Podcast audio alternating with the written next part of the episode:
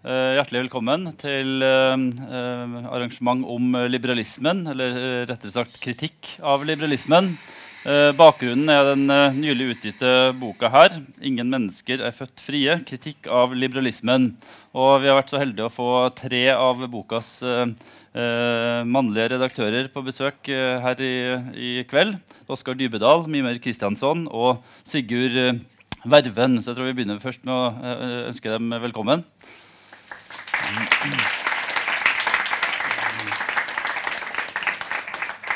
Eh, jeg må jo si, Da jeg henvendte meg til forlaget for å høre om det var mulig å få til et møte, så angra angrer jeg meg nesten umiddelbart eh, da jeg fikk ja. For jeg tenkte at egentlig så burde jo sånne møter ha motstemmer og eh, noen som eh, kanskje var kritiske til boka. Men eh, samtidig så har jeg tenkt at kanskje er det en fin måte å gjøre det på, for det gir jo samtidig eh, bokas eh, redaktører og medforfattere anledning til å, å snakke litt grundigere om eh, eh, bakgrunnen for boka og, og hva slags tanker de legger i det.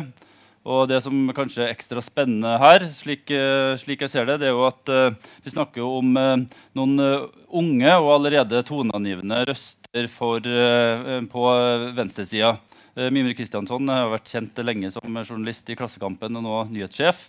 Og vi har to yngre filosofer her. da, Sigurd Verven, som er stipendiat ved NTNU, og Oskar Dybedal, som eh, også har eh, en mastergrad i filosofi, og som, eh, som ja, etter hva jeg forstår nå, skriver ganske mye uh, ulike steder om temaet. Så jeg ser for meg at vi skal begynne der, altså med en samtale om bakgrunnen for boka, hva, hva de egentlig legger i den. Uh, og så tar vi en liten eh, pause og åpner for eh, samtale, spørsmål og debatt eh, fra salen etterpå, hvis det, hvis det høres eh, ut som en eh, grei plan. Eh, alle, først eh, eh, den, den boka her har jo allerede vakt ganske mye oppmerksomhet, eh, mye kritikk, ikke overraskende fra, fra liberale stemmer. Og en gjennomgangstone i denne kritikken har jo vært bl.a. blant annet som Mathias Fischer, kommentator i Bergens Tidende, og med bakgrunn i Venstre, eh, skrev, så, så, føler ikke han, eh, så føler ikke han at kritikken eh, rammer ham. Men sett nå at, eh, at jeg skulle ha invitert en uh, nyliberalist, da, eller eh, en, en som boka måte, eller bokas kritikk eh, eh, rammer, hvem, hvem skulle jeg da ha uh, invitert? Nei,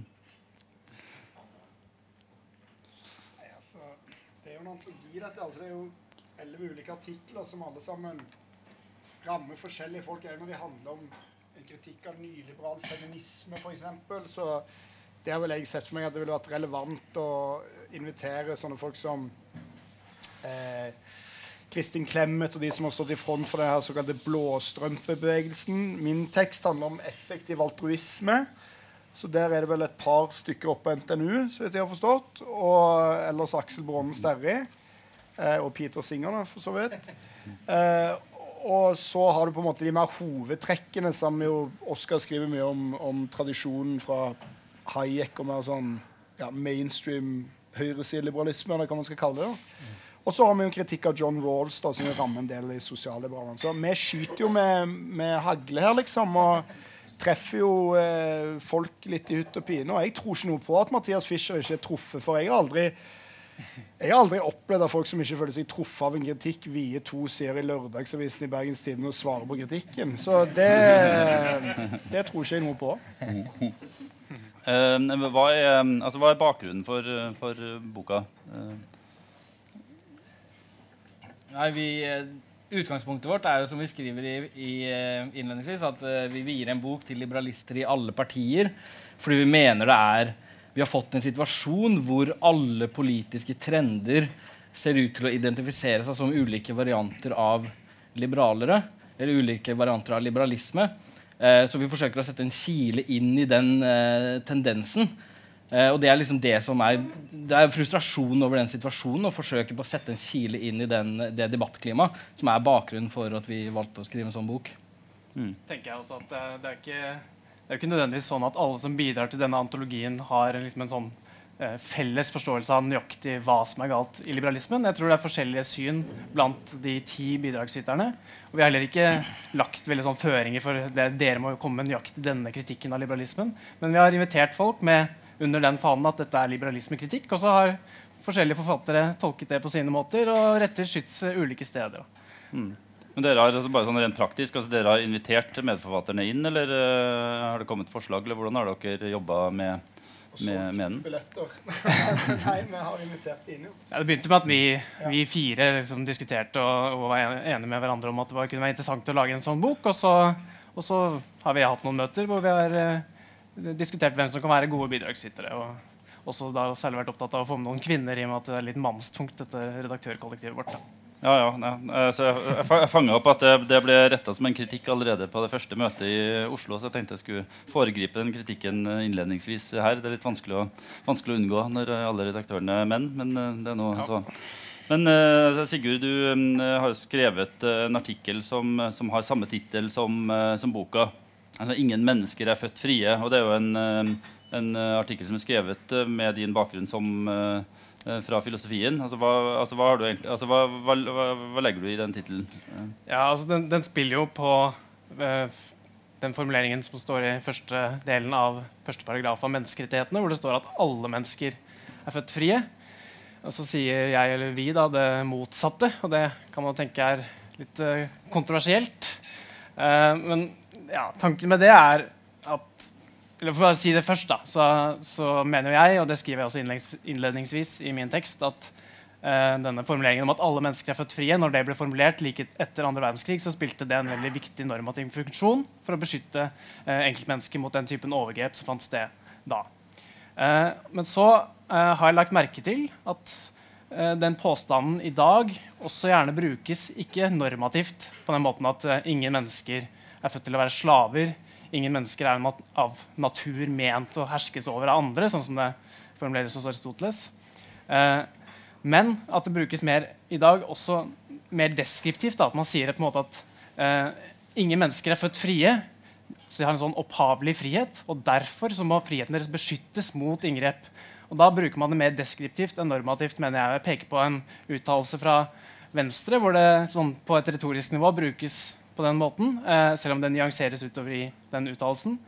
Eh, og man kan se på hva Fremskrittspartiet skriver om frihet på sine nettsider, hvor, også, hvor, det også står at alle mennesker er født frie, og denne friheten må opprettholdes og beskyttes mot statens eh, inngrep.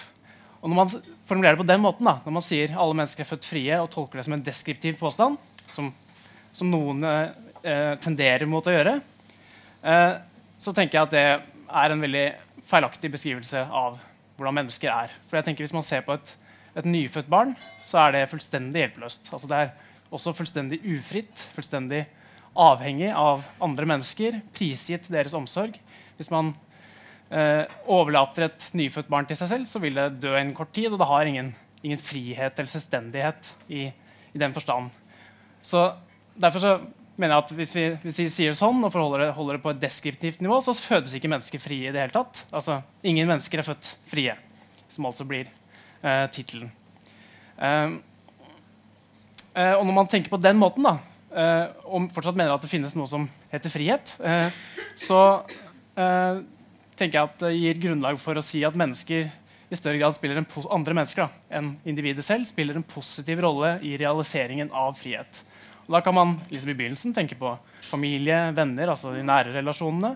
Familien tar vare på barnet i begynnelsen, men samtidig er det også storsamfunnet en del av eh, eh, pakka. altså Barnet fødes på et sykehus, som er en institusjon, og så, videre, og så går det på skole osv. Og, eh, og at alle, eller i hvert fall flere av disse eh, sammenhengene hvor individet inngår i relasjoner med andre mennesker, er selvfølgelig helt avgjørende for at det skal utvikle en frihet. Sånn at ingen mennesker er født frie, men jeg konkluderer med, da med at de selvfølgelig kan bli det. Eh, under de rette omstendighetene. Så høres det kanskje ut som en ganske sånn selvfølgelig ting å si, men jeg tror at folk kan trenge å høre det i dag.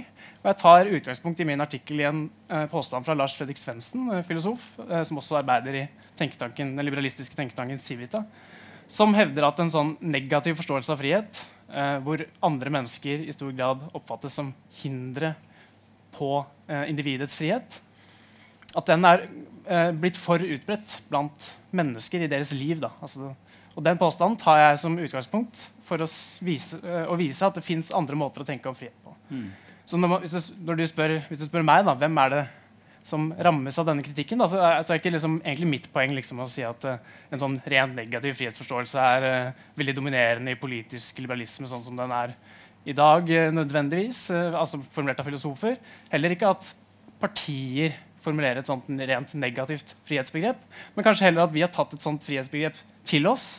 Hvor vi har tatt det fra, kan man spørre. Det, det er ikke tema i min tekst, men vi har tatt det til oss, og det er noe jeg kan kjenne i meg selv. Eh, og Derfor syns jeg det er interessant å eh, se på andre, mer relasjonelle eh, måter å forstå frihet på. Frihet i, i fellesskap da, med andre mennesker. Mm. Uh, altså det er en sånn grunnleggende um, frihetsforståelse innenfor liberalismen at uh, din frihet begynner der hvor min slutter. Ja. Uh, det er jo egentlig en sånn negativ frihetsforståelse som er formulert av Mill.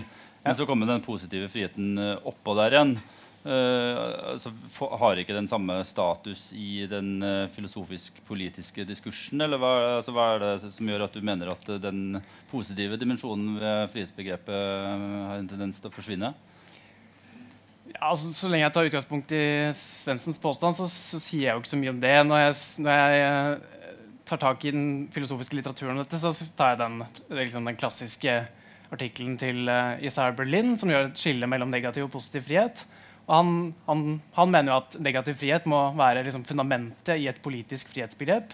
Men at positiv frihet kan være liksom fint sånn på privaten eh, mellom mennesker. Men at hvis man liksom gir et positivt frihetsbegrep eh, en sentral rolle i politikk, så vil det sånn historisk han mener han, ved å vise liksom hva som har skjedd når man har gjort det, sånn han analyserer, det, så vil det føre til en form for eh, eller i hvert fall risikere at det blir en form for totalitært diktatur. Eller at noen, noen hevder at, at, de vet bedre enn andre hva som er fritt, frihet for dem. Da. Men jeg, sånn jeg ser det, så, så, handler det om grader her. Altså, jeg, tenker ikke at, um, at liksom, det er ikke sånn at Poenget mitt er ikke å si at liksom, negativ frihet er ikke frihet. men så jeg tenker at Et frihetsbegrep må inneholde noe negativ frihet. Men uh, at hvis man uh, legger for mye ensidig vekt på negativ frihet, så blir det for mye av det. da. Og jeg tror, uh, og, jeg, og, med Svendsen, som jeg siterer, så tror jeg at det kan bli for mye av det i menneskers liv nå. Da. Mm. Uh, det du tok utgangspunkt i denne artikkelen, uh, var jo altså det var menneskerettighetene. Uh, og den uttalelsen fra Venstre som du, som du, siterte fra også, den handlet jo også om, om menneskerettigheter. Mm. Og det, den store diskusjonen nå i det siste har, har gått på, har jo vært nettopp det å innlemme de positive frihetene i menneskerettserklæringa. Mm. At du ikke lenger bare skal ha frihet fra tvang og uh, ytre liksom, eh, påvirkning, men at du også skal ha rett til vann, til skolegang og, og den, den, typen ting. Altså, hvor, uh, altså, hva tenker dere rundt denne problemstillinga i menneskerettighetene? Jeg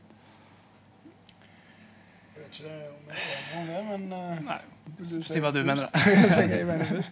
Nei, altså Jeg tenker at det som det støter jo opp i hvert fall et ideal som jeg er veldig skeptisk til på andre måter. det skal jo sies at Historisk er det jo venstresiden som kjemper for disse positive eh, menneskerettighetene. Og, eh, eller andre generasjons menneskerettigheter, som det ofte også kalles. Og ideen derfor tror jeg, hvis jeg husker historien riktig, bl.a. kom fra liksom, østblokken i et forsøk på å liksom ha noen egne rettigheter å komme med. da. Altså tross alt ikke så, så mye eh, frihet av, eh, av den liksom klassiske graden i, i sovjetdiktatur og, og satellittstatene rundt. Men, men, det jeg er skeptisk til der, er jo en, en annen tendens. Hvis du skal liksom legalisere den typen rettigheter som det at du, og Det pågår jo en rettssak nå om miljøet i Oslo tingrett. og det, Vi skildrer jo litt av dette i, i den boka òg. Eh, at man flytter liksom ting ut av det folkevalgte domenet. og Så sier man at det overlater man til liksom rettighetene, rettsstatene ferdig med det, og du har rett på arbeid og vann og mat og sånn, og det kan du saksøke staten hvis du ikke får, liksom. Og, og jeg tror eh, at den selv om jeg, jeg, altså jeg, tror alle fornuftige mennesker får for gra en grad av menneskerettigheter og en grad av ukrenkelige rettigheter for individet i møte med staten. Men jeg vil iallfall jobbe for at den katalogen ikke skal bli sånn galopperende stor. da. Fordi jeg frykter jo at du flytter liksom, beslutning fra kollektive beslutningsarenaer, altså demokratiet, da, folkestyret, og inn i liksom rettssalene. Og jeg synes Det er spesielt viktig å tenke på for venstresida. Det er jo så fristende ikke sant, at når du vinner en rettssak som på en måte du er enig i. F.eks. den som er nå, vil jeg tippe for de aller fleste venstreorienterte, gjelder utbygging i Barentshavet. Heies på av alle venstreorienterte mennesker jeg kjenner. Men jeg mener at det må man aldri heie på. fordi at den, den systemendringen som det innebærer at norsk miljøpolitikk kan avgjøres av rettssaler og ikke av Stortinget, det er å flytte makt sentralt ut av demokratiet. Og på sikt så tror jeg at de rike og mektige alltid vinner i rettssalen eh, over, lang, over, lang, lang tid, så tror jeg det er det som er mønsteret som går igjen. da. Eh, sånn at Det er min liksom, bekymring i alle fall med å liksom, ha en sånn rettighetsfesting av, av altfor mange sånne rettigheter. Da. Men det er jo ikke akkurat eh, inni det du har skrevet om det, i, i og for seg. da. Nei. Ja, men er ikke, altså, er ikke, det et dilemma også for uh, altså, uh, den uh, diskusjonen som den boka her leder opp til, da, nemlig hva venstresidas politikk skal være? Fordi at den, altså, Rettsliggjøring er jo noe av det som kritiseres i boka her som et, et av flere symptom på den såkalte nyliberalismen. Ja, altså Ja, det er absolutt det. Og jeg vil si, hvis man skal brolegge mellom det Sigurd sier og det Mimir sier, kanskje prøve på det i hvert fall, så tror jeg at det med Når du rettsliggjør et spørsmål, så tar du, et, eh, tar du det spørsmålet og så flytter du det fra å være et kollektivt spørsmål som borgerne i et samfunn eh, skal drøfte og bestemme som et fellesskap, eh, og liksom hvor de tar hverandre eh, som en del av den avgjørelsen, til at, du, til at, det blir et individuelt spørsmål mellom ganske løsrevne individer og deres forhold til rettsvesenet. Det er en individualisering av det spørsmålet. Så det er eh, sånn som jeg ser det, i hvert fall hvis, hvis de andre er enige, så, så er det eh, Så kritiserer vi det som en del av den derre at det, det selv, begrepet om det selvtilstrekkelige individet blir stadig mer sentralt både i politisk tenkning og i praktisk politikk. Så det blir et slags utslag av det. Men hva, Hvordan vil det stille seg da til eh, det politiske, altså det politisk-filosofiske frihetsbegrepet? Betyr det at politikken egentlig begrenser seg til, eh, til det negative og bare i begrensa grad kan gå inn på de positive uh, delene av frihetsbegrepet, eller?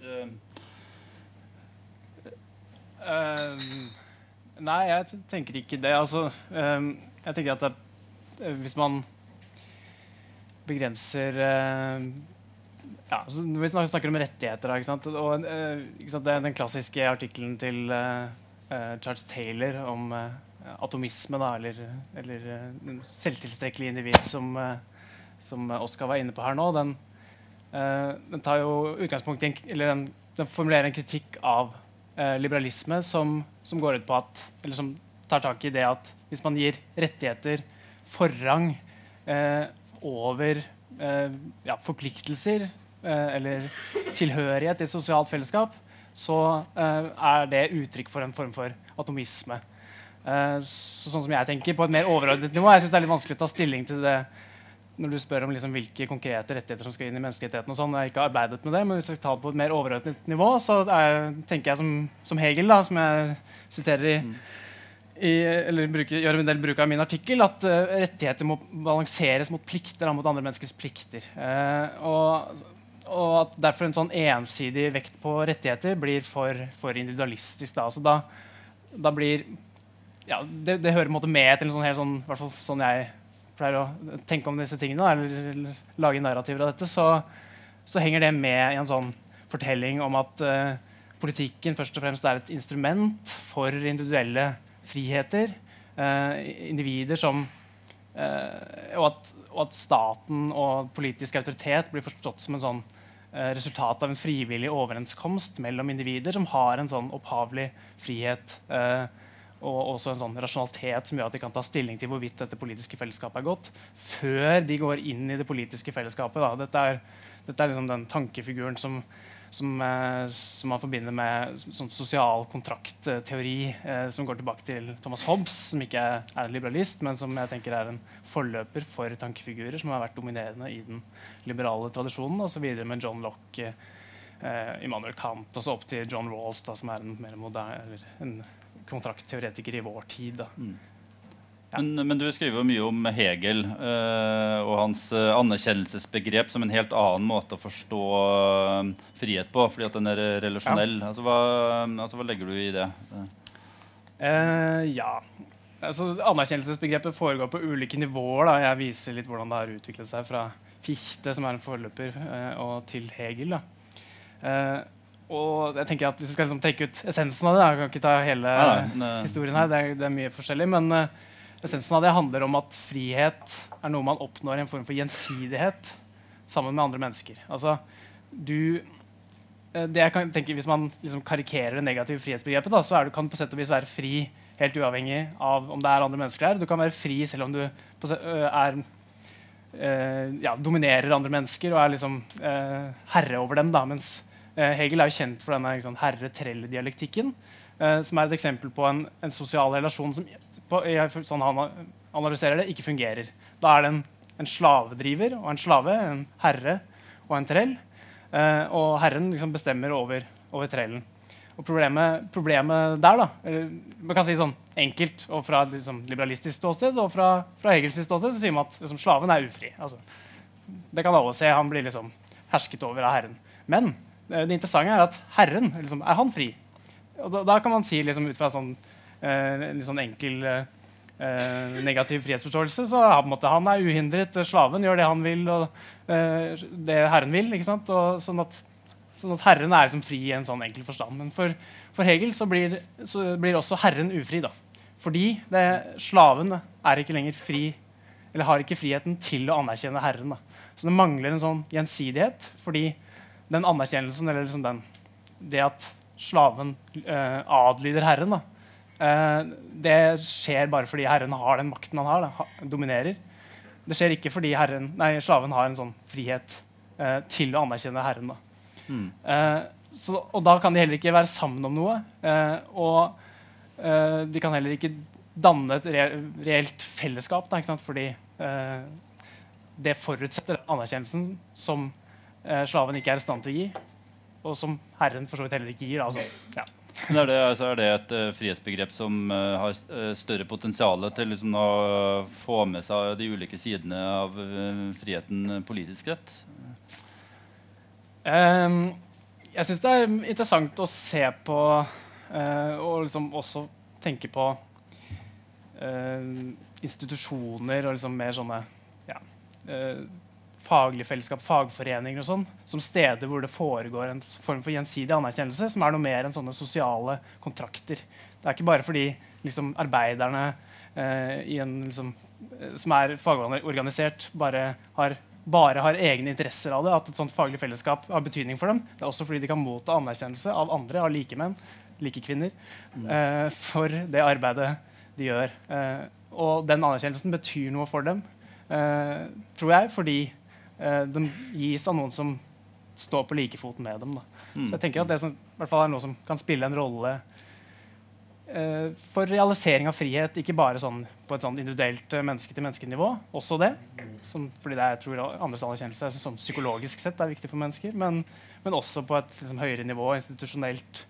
Og at man eh, i sin yrkesutøvelse mottar anerkjennelse fra staten for at dette er et yrke som, man er, som er viktig å gjøre, og at man har en faglig dyktighet til å gjøre. Da kan man jo eh, trekke linjer til New Public Management og, og målstyringsregimene som, eh, som, vi, som er mer utbredt i dag enn eh, tidligere, og som vi ser på som en del av den eh, liberalistiske vendingen som har skjedd de siste fire tiårene.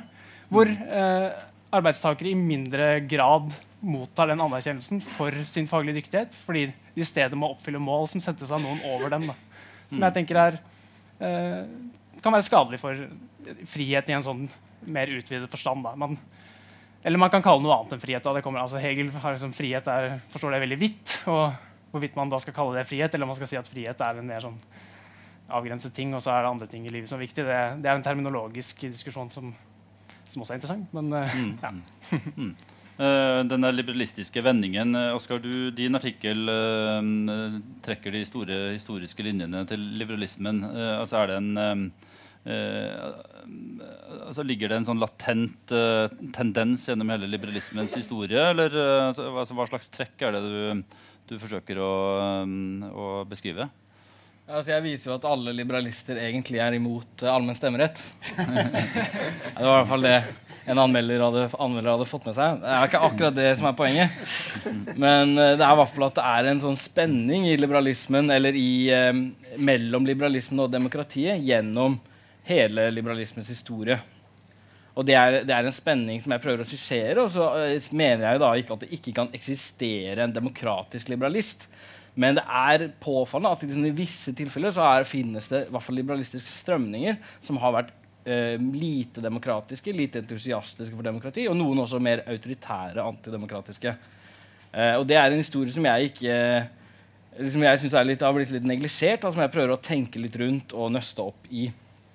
Um, og for den kritikken så, så sa f.eks. han eh, Lars Peder Nordbakken fra Civita at, at vi åpenbart er veldig naive for at vi går inn for et sånt ubegrensa demokrati. Altså Vi går inn for et demokrati hvor et enkelt regjeringsflertall eller stortingsflertall eller hva det skal være, kan gjennomføre alt. ikke sant? Så det er ingen sånne rettigheter som begrenser hva, hva regjeringen Så kan man se på land eller hvor, hvor, ille det kan gå når et demokrati blir så fritt. ikke sant? Eh, Torbjørn Røe Isaksen har så å si det samme poenget i sitt forsvar for eh, Friedrich Hayek, som er en av de tenkerne jeg tar opp hvor han sier at det eneste Hayek kritiserer, det er ikke noe egentlig demokrati i seg sjøl, men det er bare det ubegrensa demokratiet. Og det, det jeg syns er litt interessant, er at det er jo altså, det Da man bruker den kritikken av et sånt fiktivt ubegrensa demokrati, langt på vei fiktivt, til å legitimere begrensninger av demokratiet som går veldig mye dypere enn bare noen slags begrensninger. Vi kan si at Noen begrensninger er viktige for at demokratiet skal kunne eksistere. Ikke Hvis ikke du kan bevege deg fritt, organisere deg fritt, Eh, ytre deg fritt, så, så, så, opphører demokratiet. Så du, du må ha liksom de rettighetene. Det kan ikke endres av et enkelt flertall hvis demokratiet skal eksistere over tid.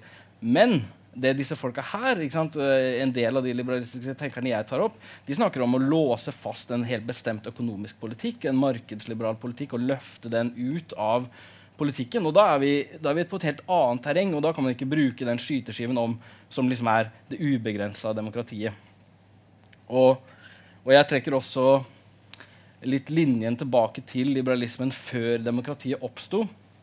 Hvor eh, liksom du har eh, en, en, sånn dobbelthet mellom liberalismen som stiller seg på folkets side i kampen mot privilegier, aristokrati, monarki, og en liberalisme som etter hvert begynner å bli litt redd for den, den eiendomsløse pøbelen. Eh, særlig da arbeiderklassen, som begynner å vokse i byene og mange steder også på landsbygda. Eh, og, og, den liksom der dobbeltheten mellom eh, liberalismens omfavnelse av folket og deres uh, kritikk av de eiendomsløse pøblene. Og det gjør at når, når du da kommer Når du da får særlig du får en arbeiderbevegelse som begynner å organisere seg i fagforeninger og utvikle sosialistiske ideer, så er det mange liberalister som ikke blir så veldig gira på det med allmenn stemmerett. Og det, ikke sant? For de, de så det som eh, så det som at det, det, som ville komme når man fikk en allmenn stemmerett, eller allmenn mannlig stemmerett, var at arbeiderne tok makta i samfunnet, de innfører sosialisme, avskaffer privateiendom og opphever den økonomiske friheten. Det var liksom et scenario som veldig mange så for seg. Og det var i og for seg ikke så urimelig antakelse heller. Mange av, eh, mange, i hvert fall sånn, Det var ikke det som skjedde, men, men mange av eh, de demokratiske pionerene var arbeidergrupper som ønska, eller som så det med allmenn stemmerett som et ledd i en ganske mye mer omfattende sosial og økonomisk forandring. Du har tranittene i, i, Norge, og du har chartistene i England. Og eh, liksom, etter hvert som jeg utvikler den fortellingen her, altså om liberalistene stilte seg på folkets side i en periode, så ser man kanskje særlig opp mot 1848 at, at den fortellinga den identifiseringa med, med folket begynner å slå litt sprekker fordi eh, den eiendomsløse pøbelen, som, som, mange liberalister frykta, begynte å ta det politiske initiativet. 1848 hadde du en del demokratiske revolusjoner hvor, hvor, hvor, eh, hvor, sosialistiske arbeidere mange steder var veldig på offensiven. I Paris, i Belgia og mange steder. Og, har, og, og det som skjer, er at eh, mange liberalister går fra å støtte den demokratiske revolusjonen til å i praksis bli sånne bærebjelker for en slags kontrarevolusjon. Og Et sånn typisk eksempel er Alexis de Tocqueville, som, som, på en måte hata monarkiet sånn som det eksisterte i, i, i Frankrike, men som var veldig redd for de eh, arbeiderne, de sosialistiske arbeiderne som gjorde opprør i, i juni, og som, som aktivt støtta den, den, militære knusingen av disse arbeiderne, og som etter det endte opp som en, som en eh, slags utenriksminister for eh, Louis Napoleon. Og som, eh, som, som, ble, som, på en måte tok valget. da, At han ville heller ha et diktatur framfor en rød republikk, som var det disse arbeiderne under 1848 tok til orde for. Men det er jo, eh, altså Nå er det jo mange ulike retninger innenfor liberalismen allerede på 1850-tallet. Og også ulike sosialistiske retninger. Og noen av de forenes jo på en måte inn mot sentrum i en sånn slags, uh, i et slags forsøk på å stabilisere et samfunn mot uh, revolusjonen. Og så er det mulig å skrive en sånn entydig linje fra liberalismens tidlige dager og til, til dagens nyliberalisme. Absolutt ikke. Det er ikke, no, det er ikke mulig å tegne en entydig linje av liberalismen. Men det er uh, mulig å tegne en, en, linje i liberalismen. Altså en, libera en, demokratikritisk linje i liberalismen er veldig mulig å tegne.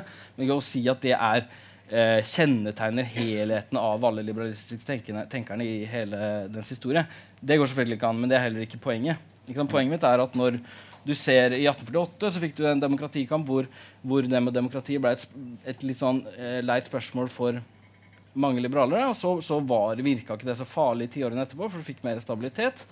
Og i tida rundt uh, første verdenskrig så fikk du ganske kraftige stemmerettsutvidelser, som også da tilfeldigvis gikk sammen med ganske sterke uh, ganske sterk sosial uro i mange deler av Europa. Du hadde en, en drøss av revolusjoner i Budapest, i, i Nord-Italia, i München, i, i, i Tyskland, uh, som ikke bare gjorde slutt på første verdenskrig, vel å merke, men også fornya den frykten som mange liberalister hadde for eh, hva folket ville finne på å gjøre med stemmeretten sin. Mm. Og da mot eh, 1930 så får du en sånn derre som jeg synes er ganske interessant, at du får en, en, utvikling hvor ulike liberalister plassert på ulike steder av kloden, og som egentlig også er, representerer helt ulike varianter av liberalisme. Walter Lippmann, Ortega og Gasset. Walter Lippmann i USA, Ortega og Gasset i i Spania og eh, Carl Schmitt i, i, eh, i Tyskland. Carl Schmitt ikke en tradisjonell skikkelse i liberalismen, men han hører litt med her allikevel. Mm. Eh, poenget er at de formulerer en kritikk av den allmenne stemmeretten og av demokratiet som, som så å si er identisk i alle tre tilfeller. Og hvor de er veldig bekymra for at demokratiet vil føre til at du får en slags utvikling mot eh, en undergraving av den økonomiske friheten. En utvikling hvor samfunnet blir liksom, uh, samfunnet blir totalitært. Da, så staten omfatter hele, hele, samfunnet, og det finnes ikke lenger noe skille mellom, mellom økonomi og politikk. Jeg synes uh, Det er et litt interessant sitat i den boka av 1830 av Ortega og Igacé. Som altså den var den, den filosofiske bestselgeren i hele Vesten fra den kom ut, til midten av 1950-tallet. Så det er en ganske innflytelsesrik, innflytelsesrik bok i den perioden. Og han åpner med å slå fast at Europa befinner seg i en av de alvorligste kriser som kan ramme folkeslag, nasjoner, kulturer. Denne krisen er massenes opprør. Det er et sjikt av samfunnet som ifølge, ifølge sitt vesen verken kan eller bør lede sin egen eksistens, og enda mindre styre et samfunn, har tilegnet seg den fulle sosiale makt. Og det, det som var Ortegas eh, frykt, var at du nå fikk med massenes eh, inntreden politi i politikken med stemmerettsutvidelsene, så fikk du en uthuling av maktbegrensningene. Du fikk en, et hyperdemokrati hvor folk begynte å identifisere seg med staten og ønska at staten skulle sørge for deres velstand og deres velferd, og ikke var i stand til å bruke og, og sørge for sin egen velstand på markedet som gode markedsaktører. Som, som, vitale markedsaktører. Og Det er så å si det samme poenget som, eh, som ble utvikla av uh, Walter Lippmann og eh, for det poenget sitt så ble Ortega invitert til, på et møte som skulle diskutere boka til Walter Lippmann. Og det er også det møtet som er ansett som, som, grunn, eh, som liksom forløperen til Montpellerin Society. Som er den første nyliberalistiske tank, tenketanken, og som avføder altså 400 eh, tenketanker i, i, i 100 land eller noe sånt. Så det er et ganske innflytelsesrikt øyeblikk i historien hvor det som står på agendaen, er er Lippmanns diagnose, som er veldig lik Ortega. Hvor, du, hvor, hvor, han tar opp det med at de stemmeberettigede massene nå presser fram en stat som stadig blir større, stadig blir mer omfattende, og eh, en, et, et, samfunn som vil bli helt totalitært. Mm.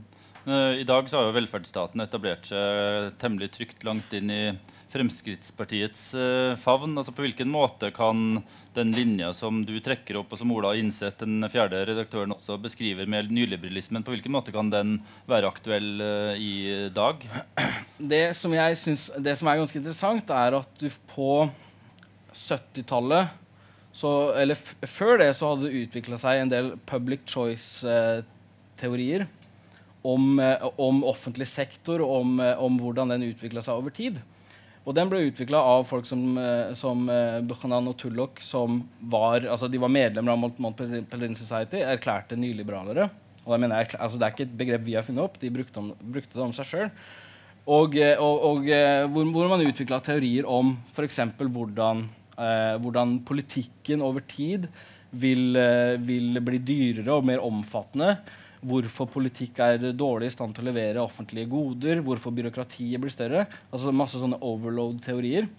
Og det, når stagflasjonskrisen inntraff på 70-tallet, så var det, så var det her den, ble den den definitivt mest innflytelsesrike kriseforklaringa av stagflasjonskrisen. Så du fikk i, i, aviser, i ledere, i skriv eh, publisert av et internasjonalt nettverk av tenketanker, på TV sant, så ble en sånn eh, grafi, eh, enkel forklaring av disse teoriene spredt som, som forklaringen på den krisa man, man sto inni. Og premisset for den, de teoriene her er, eh, er, er, ikke så ulike de eh, teoriene som, som jeg skisserer på 30-tallet. Altså det handler om at du har en, en usynn dynamikk mellom politikere og velgere, hvor politikere ønsker å maksimere nytten for seg, nemlig at de vil få, vil få mest flest mulig velgere til å stemme på seg, mens du har velgerne som ønsker mest mulig penger og mest mulig materielle goder. Og da får du en sånn negativ syklus hvor, uh, hvor politikerne overbyr hverandre i å gi uh, ting til velgerne.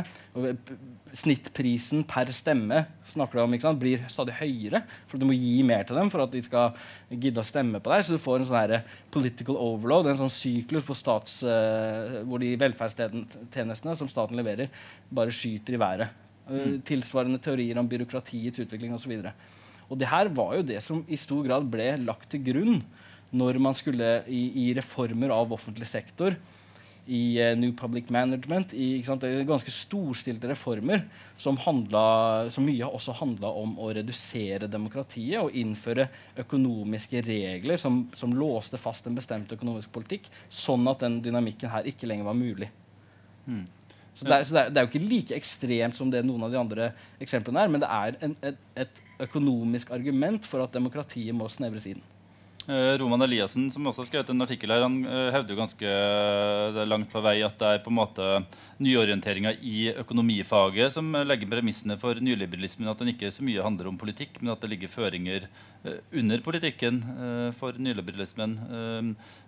mens andre enn Linn Statsberg for eksempel, hun skriver at, at nyliberalismen i dag er en måte å tenke på, å være på og leve på. Og det kan til og med være noe vi gjør. Nyliberalismen forandrer samfunnet via en ideologi som er fremmed av kapitalkrefter, tenketanker, eller fremmed av unnskyld, kapitalkrefter, tenketanker, økonomer og politikere, helst i salig blanding. Uh, og ikke minst så de, altså Alt som er på en måte negativt ved samfunnet, tilskrives denne nyliberalismen, som har vært en ganske stor diskusjon i Norge i flere år. Og de som er kritiske til bruken av begrepet, hevder jo at den såkalte nyliberalismen er en ideologi uten fortalere. Hva, hva, tenker dere om det? Altså at det er, det er jo veldig åpenbart at det er du, Montpellerin Society og mange av disse tenketankene oppsto eksplisitt som nyliberale. Altså de, kalte, de, de, hadde en diskusjon om hva de skulle kalle seg, og de valgte det som tittel. Og så ut av det så vokser det et nettverk av, eh, av tenketanker som er, som er åpent knytta til hverandre. Altså, det er ikke noen hemmeligheter, det er ikke noen sånn skjulte forbindelser å spore opp. Så, så, eh, så at, at, det liksom er noe venstresida har funnet opp, er en litt sånn spesiell, uh, spesiell ting å si. nå. Ja, og det som skjer etter hvert, og som Ola beskriver, er jo at etter hvert De begynner med denne nyliberalismen-merkelappen, men etter hvert så blir de opptatt av å tilknytte seg i stedet en tradisjon som de kaller for klassisk liberalisme, for å på en måte vise at det var de som var der først. da. Eh, og dermed så skifter de på en måte litt navn. da. Eh, og, og begynner å si at de er tilhengere av den klassiske liberalismen i stedet. Men, men det er jo sånn for eksempel, som Ole òg har pekt på, at, at når man har gitt ut eh, bøker om klassisk liberalisme i Norge, som, som Civit har gjort, så er de aller fleste tenkerne i den klassiske liberalismen. De er fra 30-tallet. Eh, som jo vel ikke akkurat er særlig klassisk i liberalismens historie, men som jo tvert om tyder på at det er noe nytt. da.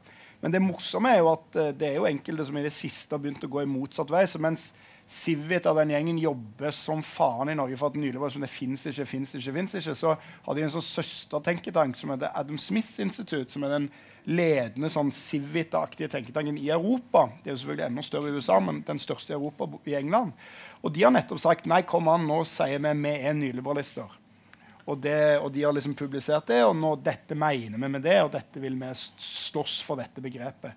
Så de må på en måte bli enige seg imellom først, da, eh, før de liksom hevder disse tenketankene at, at nyliberalismen liksom ikke eksisterer.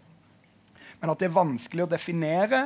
At det er mange folk jeg synes det rammer verken eh, Roman eller Linn, at det er mange folk som definerer det annerledes. altså det som er komplisert, er at I en sånn antologi så er det jo en blanding av at vi prøver liksom å vise små fliker av det vi mener er en stor historie om et sånt eh, liberalistisk hegemoni. Og med vilje så er jo ikke dette en kritikk av nyliberalismen, men av liberalismen som sådan, da, som selvfølgelig er, mangfoldig.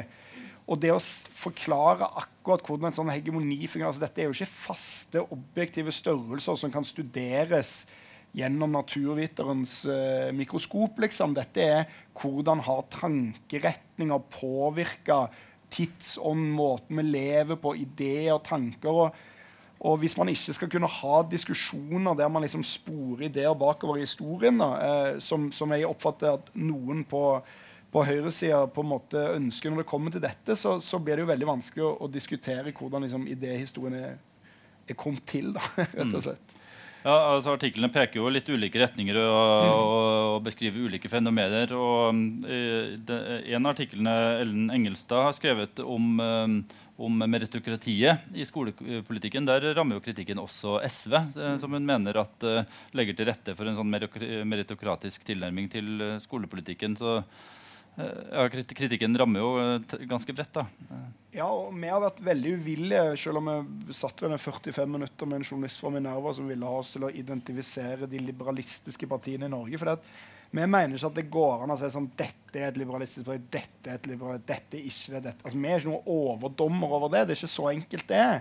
Men at en tanke der man har beveget seg det Ellen sier, en tanke der man har beveget seg bort fra det gamle venstresidemålet om resultatlikhet. At alle skal ha, om ikke akkurat det samme, så i alle fall noenlunde det samme at the end of the day. Til et mål om mulighetslikhet. Hvis du er flink, så må du få bruke talentene dine uansett hvor du kommer fra. Og der er baksiden selvfølgelig hva med de som ikke er flinke? For la oss være ærlige, i et sånt kappløp så vil jo noen tape. Og og det mener jeg at, eh, og Ellen viser godt også, at har spredd seg langt inn på venstresida og SV. Og det er sikkert for all del noe i Rødt òg, altså, for alt jeg vet. Men, men og, altså, nå finnes det jo folk som er åpne liberalister i SV. da, Bård Vegar Solhjell bl.a. og Svein Tuastad som har kritisert oss. Men, men det Ellen veker på, er hvordan man bytter ut dette her likhet med liksom like muligheter. Og det finnes en veldig interessant metafor her. og det er at det gamle sosialdemokratiet de snakket veldig om, ofte om å bygge gulv. At det var Tage Erlander som skal bygge dansegulv som folk skal danse sine liv på. Som skal bygge gulvet, liksom. Grunnmuren i samfunnet. Sånn skal det være. Mens nå har liksom de der sentrum-venstre-bevegelsene i våre dager de har begynt å snakke om å knuse tak. Sånn at noen skal få mulighet til å knuse taket. Og hvis alle har samme mulighet til å knuse taket, enten de er kvinner menn, eh, hvilken legning hvilken bakgrunn om de er fattige eller rike Hvis alle bare har samme lodd i utgangspunktet i livets lotteri, liksom, da er det rettferdighet. Og Det er iallfall en endring av et sånt venstreside rettferdighetsideal som tidligere var at på en måte ingen skulle være left behind, uansett eh, hvordan det gikk. da. Mm. Uh, Ola Innseth skrev uh, i, senest i dag i Klassekampen hvor han nyanserte uh, spørsmålet rundt sosialliberalisme og alle de andre retningene han skriver om i, i, boka, hvor han forsøker å komme med en definisjon av nyliberalismen fordi han mener at det er, altså det er et um, Altså det er en eh, feilslutning som gjøres både på venstresida og hos andre at man, eh, man eh, gjør nyliberalismen eh, synonymt med kapitalismen. Og så skriver han at nyliberalisme er altså ikke stråmannen frie markeder, men en mer nyansert strømning som tar utgangspunkt i markedsmekanisme som styrende prinsipp for den sosiale orden. Men vil ikke en slik definisjon egentlig ramme de aller fleste partiene i Norge i dag? Det kan jo gå- altså, det kan du godt si. Altså, det er vanskelig å sitte og svare for hva Ola har skrevet i Klassekampen i dag. Altså. Men det er, bare, jo, nei, men altså, det er ikke fordi jeg syns det, det var en bra tekst. Liksom, folk må bare lese det. Men akkurat hva han har tenkt bak hver eneste formulering, liksom, det kjenner ikke jeg. Men det han prøver å si, er at og det handler jo litt om det du sa i stad òg. Det er en misforståelse at nyliberalismen er sånn fravær av stat. Det er den store misforståelsen. Man har en idé om at det å fjerne staten, bygge ned staten, la det være sånn gammeldags laissez-faire-liberalisme. Men det er jo det nyliberalistene tar et oppgjør med. De sier vi trenger staten, og staten må være sterk om nødvendig for å holde liksom, markedene regulert. Så det er ikke frimarkeder. Det er markeder regulert på visse måter av en sterk stat for å sikre det nyliberalistene ønsker, da, som er en, en form for konkurranse som de vil ha. da. Og, og det er litt interessant synes jeg, med statens størrelse òg. Det er jo en innvending som mange har hatt eh, på høyresida, at, at statens andel av bruttonasjonalprodukt har jo ikke falt nevneverdig i mange europeiske land de siste 40 årene. og Det tyder vel på at det ikke har vært et sånt nyliberalt hegemoni. Og Det høres ut som et veldig godt uh, argument, og egentlig også som en veldig stor gåte. fordi høyresida har jo vunnet fram altså bare, Du kan bare gå gjennom valgstatistikk i Europa, så vil du se høyresida vunnet fram. Fagforeningsmedlemskapet er nede. Eh, det blir eh, lavere skattenivåer, høyere ulikheter, mindre statlig eierskap i industrien osv. Og, så og likevel så holder staten seg. Hvordan kan dette henge sammen? Og da tror jeg at det kan henge sammen ved at kapitalismen, eh, deler av kapitalismen i vår del av verden er i endring, sånn at noen av de mest profitable markedene som fins, er skattefinansierte markeder. Og der er nyliberalismens omorganisering av offentlig sektor og egentlig òg innfarten i offentlig sektor gjennom eh, store velferdskonsern og kommersielle aktører. Staten sitter til slutt igjen bare og deler ut skattepengene våre til ulike konserner som, som driver sykehjem, skoler, diverse den type ting. Det henger på en måte sammen med at den tilsynelatende offentlige delen av BNP kan være høy. da, Og samtidig bevare dette her konkurranse-profittmekanismene som nyliberalistene ønsker seg. da. Så nyliberalismen er liksom ingen entydig fiende av staten. Eh, og det tror jeg i alle fall er hovedpoenget i Ola sin artikkel. Eh, Ja, det var det boka, som var hovedpoenget. Ja, ja, at det, er ikke noe sånn laissez-faire-idé om at bare alt kan skure og gå. liksom. Det, det, staten må være der. Det er jo altså, Den tendensen du peker på, det, altså, det, det har vel gått tilbake på en måte for den uh, klassiske venstresidetankegangen helt siden 1945. Altså, det har jo vært en uh, åpenbar høyredreining uh, altså, langt inn på venstresida. Altså, på hvilken måte kan den kritikken som dere beskriver her, brukes politisk? Altså for å etablere en ny venstreside? da? Det er jo liksom ut, utenfor boka. da, med å, eh, Neste bok, ja. Nei Det er jo ikke akkurat uh, det som er prosjektet vårt. Det er å gi en sånn uh, politisk, levere en politisk håndbok til venstresida for å si det her er det dere ikke bør gjøre. Men, men uh, vi, vi kobler jo i og for seg den høyredreininga til en bestemt liberalistisk tenkemåte og sier at ok, det første vi bør begynne å gjøre, er å revurdere det. Ikke sant? Så det er, jo det, det er jo det eneste rådet vi har. Ikke sant? Å prøve å, å tenke litt mindre liberalistisk, individualiserende når det gjelder politiske løsninger. Prøve å finne kollektive løsninger utenfor en, eh, mer utafor en liberalistisk måte å tenke politikk på. Men det, og det er det vi klarer å levere i denne boka her. eh, Ikke stort, stort annet. Det er lite liksom sprekk i det liberalistiske glasstaket, for å si det sånn. For det, at, eh, nei, det er bare noe med at, at Venstre synes jeg har, har gått seg veldig fast i å akseptere mange sånne underliggende premisser som gjør det komplisert å formulere alternative visjoner. Det, jeg synes det er vanskelig sjøl. Det er ikke alltid så enkelt. Bare det, at, bare det å foreslå at staten skal overta noe som er privat, bare det er jo helt uhørt i våre dager. Altså det enten, enten skal staten beholde det staten har, eller skal de gi fra seg det de har. Men å si at nei, du vet du hva, dette her bør vi ikke ordne privat, det bør ordnes i fellesskap. Her bør det inn noen kollektive mekanismer. Dette bør under folkestyret. Bare en sånn tankegang den, er, den har vært nesten ikke-eksisterende. Det er jo, når vi, står vel i det forordet at, at den verden der F.eks. britiske Labour sa nei, nå skal vi bygge et helsevesen, helt nytt helsevesen her i landet, og det skal ikke finnes et eneste privat innslag. Eller der norske eh, Arbeiderpartiet sa vi har funnet en olje i Nordsjøen. Det skal styres utelukkende gjennom statlige ressurser. Altså, det framstår jo som science fiction i dag at de partiene kunne funnet på noe sånn. Om det funnet olja eller bygd opp helsevesenet på ny i dag, og det hadde vært de ja, eh, partiversjonene, kanskje ikke Corbyn, da, men den Labour-bølgen vi har hatt de eh, 15 årene før det, så det er vanskelig å se for seg at det helsevesenet hadde kommet til. Så det er noe med den, det tankesettet man på en måte må ut av. da. Og det samme tenker jeg gjelder på jeg synes jo De tingene som Sigurd har skrevet, har en veldig sånn, egentlig politisk nytte litt lenger down the road. Nemlig den ideen om at eh, har samfunnet noe positivt å bidra med i menneskers liv? Eller er det bare sånn at du må beskytte individene så mye som mulig fra samfunnet, liksom, og da får du best mulig samfunn? Sånn at det er liksom ja, det gir sporer, kanskje forhåpentligvis, til å tenke liksom, gjennom en del ting eh, på nytta da, som, som, har vært akseptert altfor lenge. da. Mm. Og vi synes jo Reaksjonene vi har fått fra en del folk på venstresida, har jo vært helt uh, ubetalelige. Så må jeg bare si det en rådgiver i Agenda for eksempel, som har skrevet altså, Agenda er eid av LO. Eh, sosialdemokratiet i Norge, liksom. Og, og, og for så vidt sosialismen i Norge òg, fra gammelt av. Og, og, hun sier at hun kan ikke komme på noen andre ideologier enn liberalisme. Og det er jo greit nok, det, da, men du jobber jo sosialdemokratisk tenker så skulle du tro at du kunne komme på den ene. Liksom. Det må på en måte være mulig. Men, og det, jeg tror dessverre det der er veldig betegnende. Aksel Brånen Sterre, som har bakgrunn fra Ap sosialdemokrati, det handler bare om å velge hvilken type liberalisme du ønsker.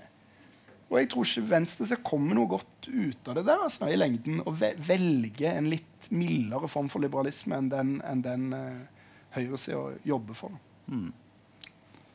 Jeg tror vi skal ta en uh, liten uh, pause nå, uh, på et kvarter. Så fortsetter vi samtalen etterpå. Og åpner også da for spørsmål og innspill fra salen. tusen takk til dere så langt. vi åpner for spørsmål og innspill fra salen. så det er bare å melde seg, så skal jeg tegne opp en liste her. Jeg vil også gjøre oppmerksom på at det er mulig å kjøpe boka, og helt sikkert mulig å få en liten redaktør- og medforfattersignatur også for den som eh, ønsker det mm, etterpå. Uh, Mimir, uh, de fleste artiklene her handler jo uh, i en eller annen forstand om nyliberalismen, eller kritikk av liberalismen. du har skrevet en artikkel om effektiv altruisme. Hva er, hva, er, det egentlig du har imot dem? Jeg vil bare for, prøve å forklare veldig enkelt uh, hva effektiv altruisme er. Det er jo en, en eh, bevegelse eller en idéretning uh, som, som uh, søker å legge til grunn for en slags veldedighetspraksis eller engasjement for, for lidelse, for å bøte på lidelse i verden. med liksom de mest rasjonelle metoder som, som finnes tilgjengelige. Sånn at ideen her er altså, de, de, fleste som er kritiske til dette, dere vil jo kanskje kjenne litt fra offentlig debatt. og det er sånne folk som kan dukke opp og si sånn og husk denne kampanjen til Barnekreftforeningen. Ikke gi penger til den. Det er ikke kostnadseffektivt. Derimot gi penger til Malarianett. Og Mange lar seg jo provosere av dette fordi at eh, man syns det er på en måte moralsk galt at man rangerer mellom ulike formål. Uh, jeg mener ikke det er det mest kritikkverdige. altså Folk må jo få gi penger til mye det de vil, i, i, mine øyne. Men i mine øyne så er det ikke noe sånn prinsipielt galt å prøve å finne ut hva som funker. Men det jeg ser når jeg går liksom dypere ned i det effektive altruismetankegodset, det er jo at her ligger det en del ideer da, uh, som jeg mener er, er, veldig, for det første veldig klart liberalistiske, og ganske sånn ekstremliberalistiske òg. Og for det andre, som er ganske farlig, eller, eller ganske rart, det galopperer galt av sted. Og det ene er jo en veldig sånn individualistisk metodologi. Hva kan jeg gjøre med mine penger for å hjelpe verden på best mulig målbar måte? Og når du setter dette jeget og min innsats, meg, i sentrum, så på en måte underslår man konsekvent, og det gjør mener jeg i praksis effektive altruister, står litt eksempler på, alle former for sånn kollektive endringer, forandringer i struktur og den typen ting. Så det handler om meg. Det er liksom utgangspunktet, og det blir liksom forsnevrende for, for den som vil gjøre en, en god innsats. Eh, og det andre er jo at man alltid har dette markedsideen. Eh, og, og, at det liksom ligger en markedsmekanisme i bånn her, som er at på en eller annen måte så, så er effektive altruister nødt til å på en måte regne om lidelse til en form for valuta. Uh, altså fordi at altså Jeg kan jo ikke Oscar har kreft, og jeg har uh, Parkinson. så da skal si sånn, Hvem har det verst? Det må det jo finnes et objektivt mål på, sier de effektive altruistene. Så, og de går jo til skridet til verket med spørreskjemaer og 'hvor ille har du det egentlig?' og alt mulig sånn. Og så kommer de fram til liksom at Oskar har det så og så mange prosent verre enn meg. Og ut ifra disse markedsmekanismene så kan man på en måte overføre ressursene der på en måte hvor, hvor liksom man får most bang for the buck da, når man skal gjøre noe veldedighet. da. Men det gir seg noen ganske rare utslag. Det betyr jo altså Hvis man tar dette ut i ytterligheten, og det er det mange effektive altruister som gjør, så kan det være riktigere å redde lykkelige enn ulykkelige mennesker? Kanskje være riktigere å redde rike enn fattige mennesker? De har det jo tross alt bedre. Så et rikt liv er kanskje mer verdifullt. De fattige har det så litt kjipere, så hvis de dør, så, så er det ikke så mye lidelse forsvinner. Og du kan omregne også til dyr og dyrs lidelser opp mot mennesker. Så det er en, en uthuling av menneskeverdet. Da. Og det tredje som jeg mener er veldig problematisk, er en veldig sånn ytterliggående utilitarisme eller sånn konsekvensetisk tenkning. Det er ikke alle eh, effektive altruister som sier at de er utilitarister, men jeg mener at det er nesten helt umulig å, å få det der til å gå opp uten. Og i mine øyne så, så, på en måte ender det veldig opp med hvis ikke at du kan gjøre masse galt. Og det er altså en gren av den effektive altruismen oppfordrer folk til å slutte i det de holder på med, og begynne å jobbe på Wall Street. Fordi da tjener du så mye penger at du kan gi bort mer etter jobb. Så kan du sitte på jobb i hedgefond på dagtid, da, og så får du tjent bonus, og de kan du kjøpe malarianett for. Og Da vil din innsats være veldig målbart stor. Mens den der strukturen hedgefond ruinerer verden, den er vanskeligere å måle og forsvinner litt ut av dette regnestykket. Uh, en annen sånn uh, diskusjon er jo hvis ikke jeg gjorde det, ville ikke bare noen andre gjort det i stedet? Og der er det jo for en som heter William McAskill, en sånn effektiv altruist, som mener at han, han forsvarer at hvis du, du, er kirurg og jobber med å redde liv, så kan det ofte være bedre å bare bli plastisk kirurg i stedet og tjene mye penger. Fordi da kan du gi bort de pengene og redde flere liv. Mens den som tar jobben din på sykehuset, da, den vil på en måte være bare en marginalt dårligere kirurg, så ingen forskjell skjer. da. Og Det drøyeste eksempelet som jeg har kommet over, er jo Peter Singer, som er på en måte gudfar for denne bevegelsen. Han diskuterer jo hvorvidt det er moralsk galt å, å, å være vakt i Auschwitz. Fordi at bare, Hvis du ikke hadde gjort det, så ville bare noen andre eh, ha gjort det. Og kanskje de, siden du har det dilemmaet, du lurer på er dette moralsk riktig, så er det grunn til å tro at du er snillere med jødene enn de som tar jobben din, som da tydeligvis ikke har hatt dette dilemmaet. Og dermed så burde du kanskje bare fortsette i den jobben, da, for det kan gjøre mest nytte eh, for deg der, da, eller et eller annet. Og, men alt dette er altså at folk samler inn penger til malarianett og til eh, vaksiner, og alt mulig, det er jo i og seg helt herlig. Men effektiv altruisme er jo ikke bare noen folk som samler inn penger og sier respekter oss fordi vi samler inn penger. Det er jo folk som sier ikke gi penger til andre ting, gi penger til det vi sier til dere. På, og i tillegg kommer dette med en hel masse eh, innebygde ideologiske antakelser. Og det jeg syns dette bunner ut i, er at én gruppe mennesker skal ta avgjørelser om hvor mye andres liv er verdt i praksis. Altså, man skal lage noen rasjonelle i mine øyne, for den typen rasjonalitet syns jeg er veldig vanskelig å få til. Regnestykker for hva et, liv i Oscars, et år i Oscars liv, et år i mitt liv er verdt. Og det er ikke meg og Oscar som skal avgjøre det. på en måte. Det er det liksom den effektive altruismebevegelsen som skal måle i noe Excel-ark og på bakgrunn av dette gi penger til meg eller Oscar eller da, sannsynligvis noen helt andre, på bakgrunn av eh, hvilken lidelse de kan måle og mene vi kan spore. Da. Så poenget er at hvis du ikke tar effektiv altruisme på alvor, og mener sånn som Peter Singer sier selv, det, eller han siterer en effektiv altruist på selv, at det er bare veldedighet for folk som er litt autistiske, så, så er det helt greit. Det, det, er ingen fare. Det er folk som er bedre med tall enn med medfølelse på andre måter. Det er helt i orden. Ingen fare. Noen samler inn penger til malaria. Det er kjempebra. Men hvis du skal ta det på alvor som en tankeretning og mene at det tankegodset er noe som er verdt å diskutere som tankegods, så tror jeg det er ganske ille opplegg. Ja, takk for det. Uh, uh, nå har vi fått uh, et spørsmål eller innspill fra salen her. men før jeg gir ordet videre, så vil jeg bare gjøre oppmerksom på at samtalen her blir tatt opp. det er ganske mange som kunne tenke seg å høre det etterpå, så vi vil legge det ut som podkast. Men hvis det er noen som har lyst til å stille spørsmål og ikke bli med på opptaket, så er det mulig å bare gi beskjed om det, så skal vi, skal vi ta bort det. Men bare vær oppmerksom på det.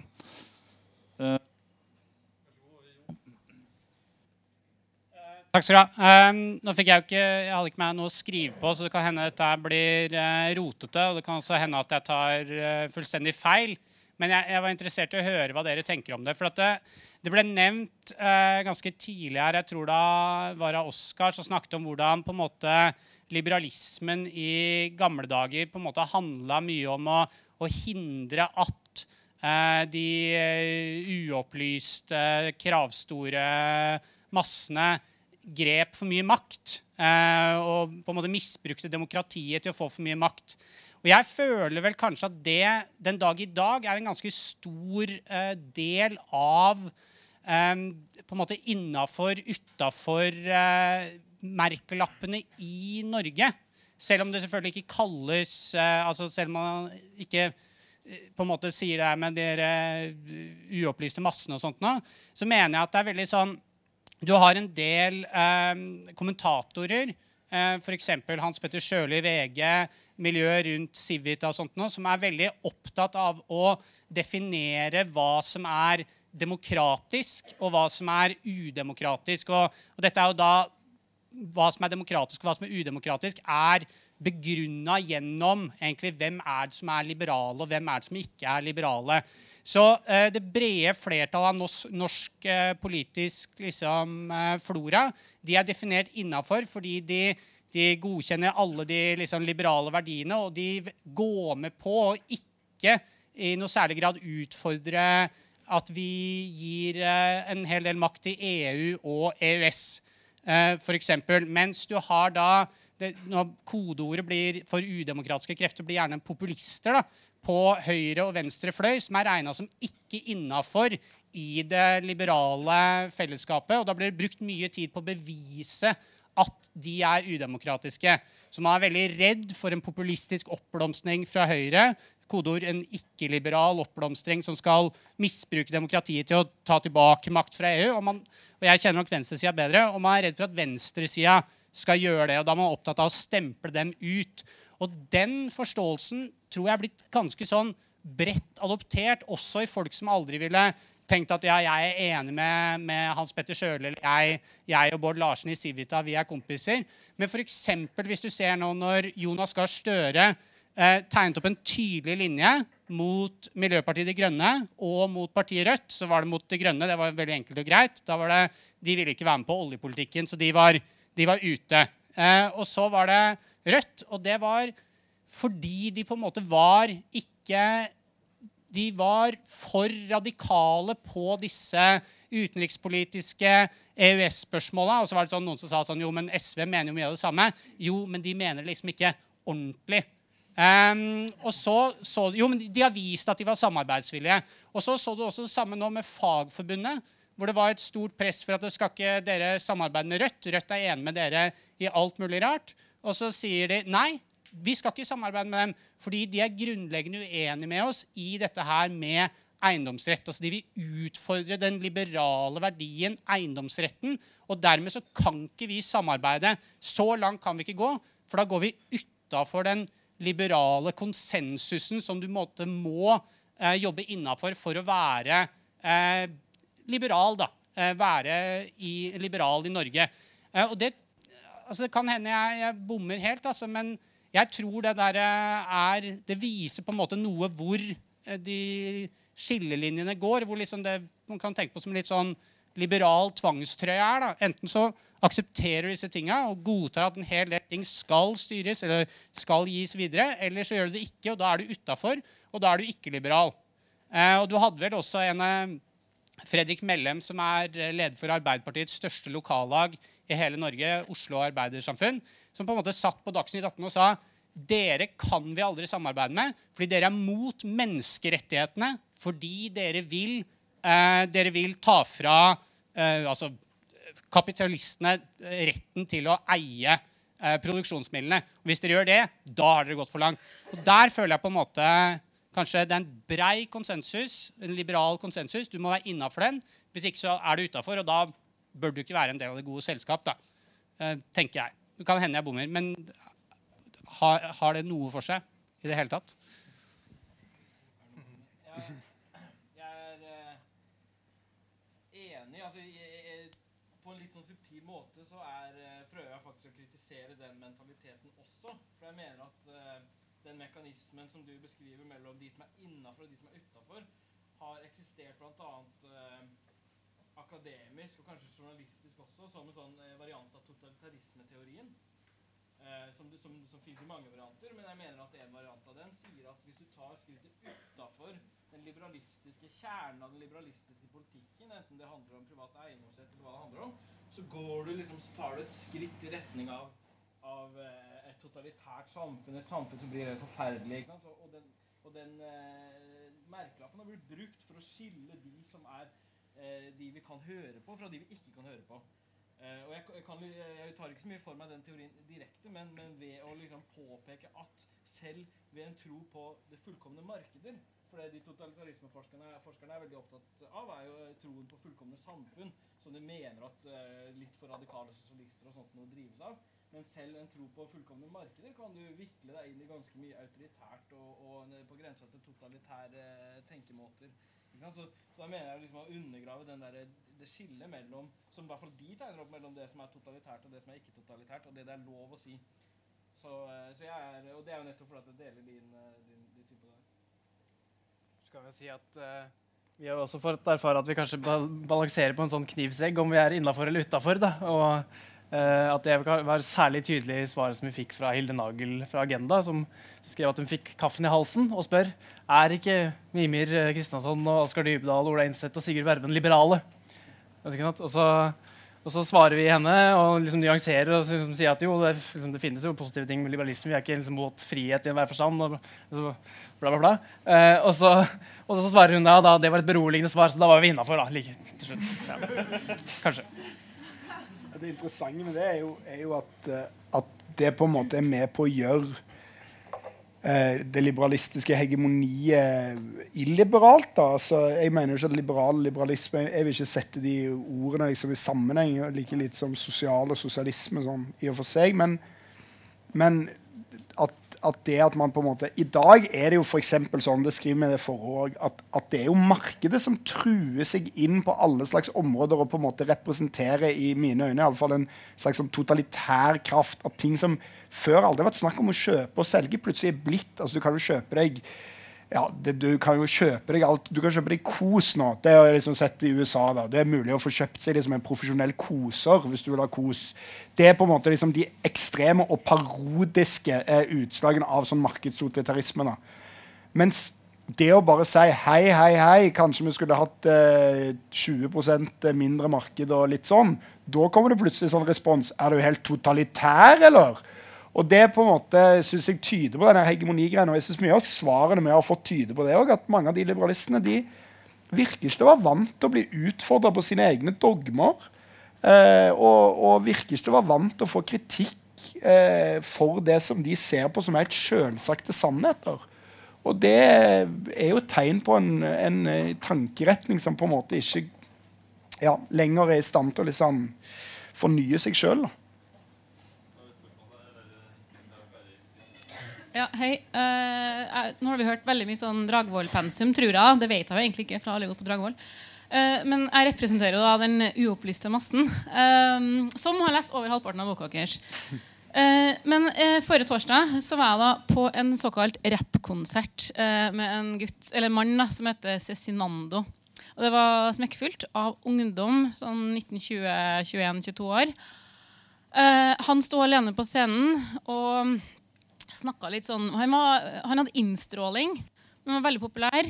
Alle kunne refrengene hans. eh, og eh, jeg forsto da tydeligvis ikke den nye hiphopen, som handla om å på en måte gå inn i seg sjøl, finne seg sjøl. Um, og, og, og samtidig tenker jeg også på valgkampen vår, der vi vet veldig mye ungdom som er opptatt av identitetsbevegelser. Eh, det er ikke noe rart, for de, de får ikke noe jobb. Og de, de får ikke noe jobb på lenge. Eh, så de vet ikke hva arbeidslivet er. Så ergo eh, ofte det blir den der kalle dogmatiske venstresida opptatt av den fagbevegelsen osv.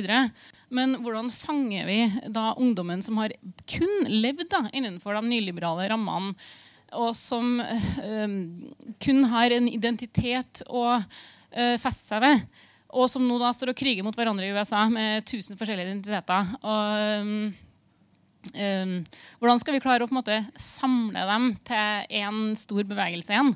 Uh, fremfor at de dyrker uh, identitetene sine. Alt fra om de er flyktning, svart, homo, uh, transseksuell osv. osv.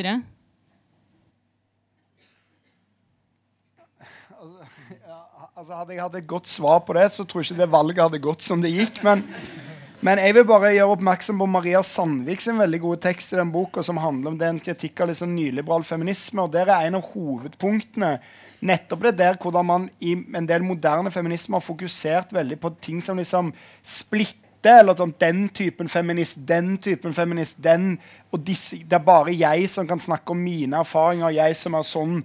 Det er bare jeg som kan, Istedenfor at man på en måte jobber hele veien ut fra dette universelle, liksom. Eh, og jeg tror at dette er jo bare sånn det, det, det på en måte kan høres ut som ønsketing, for det, det er veldig lett sagt og veldig vanskelig gjort. Men det er jo å insistere på å prøve å finne det som binder folk sammen, og bygge de kollektivene som folk kan identifisere seg rundt. Og det som er sentralt i de kollektivene, er jo at de har en aksept for at folk er annerledes. At det er et sånt uh, mangfold i de da. Men å finne liksom de tingene som på en måte ja, gir grunnlag for liksom forening. da. Og det har jo tradisjonelt eh, på venstresida vært eh, arbeiderklassebasen, liksom. Og i og for seg er ikke det noe i veien for at det skal være det fortsatt. Altså, de aller, aller fleste er arbeidstakere i en eller annen forstand. Og de har det forholdet til Eller de er på vei til å bli det, eller de har vært det. Og, og de har det forholdet til en jobb og en sjef som er det natur vanligste å ha i vårt samfunn med stor, stor margin, nemlig at man går på jobb, blir fortalt hva man skal gjøre, gjør det, er ferdig. Så det å prøve å bygge kollektiver liksom rundt det, da. Men dette er jo sånn ja, Talk is cheap, altså, så dette er lett å si. Men, uh, men det er nok der på en eller annen måte det ligger. Og ikke tenke alle ens egne erfaringer er utrolig unike, spesielle, fantastiske. Det er bare jeg som har hatt det sånn med min bakgrunn og mitt liv. Men å prøve å tenke hva er det som jeg kan liksom finne som er felles for oss alle. da. Eh, det tror jeg er ganske spesielt. Altså. Og Jeg leste faktisk eh, nylig Arbeiderpartiets prinsipprogram fra 1981. Og Der står det en veldig morsom eh, setning. Dette var mens Arbeiderpartiet ennå var demokratiske sosialister og snakket om Marx og ønsker seg en global planøkonomi og sånn. Og der, der, men der står det en veldig fin setning, og det er sånn Problemene vi har, løses best i fellesskap. Hvis én person har hatt et, problem, så er sjansen stor for at mange andre har det sånn òg. Og det tror jeg er en veldig god eh, analyse. For det at, så det synes jeg er sympatisk ting å henge, henge fast i, altså, rett og slett.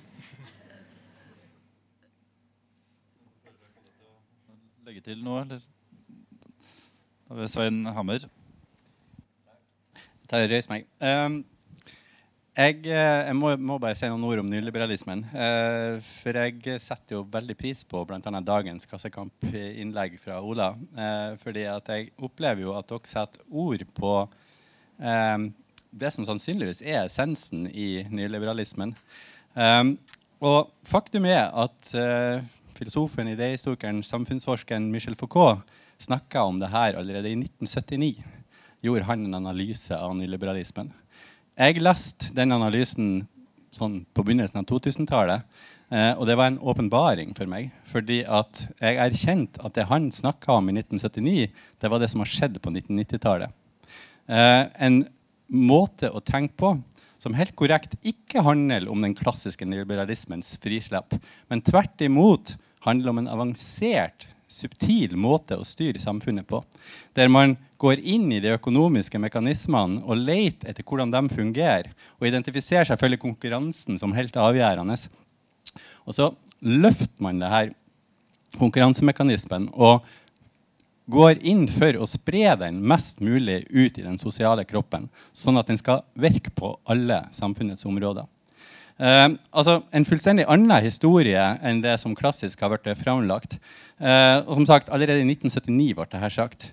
Uh, og det er nok ingen tvil altså Samtida til enhver tid består av mange ulike posisjoner, mange ulike strømninger.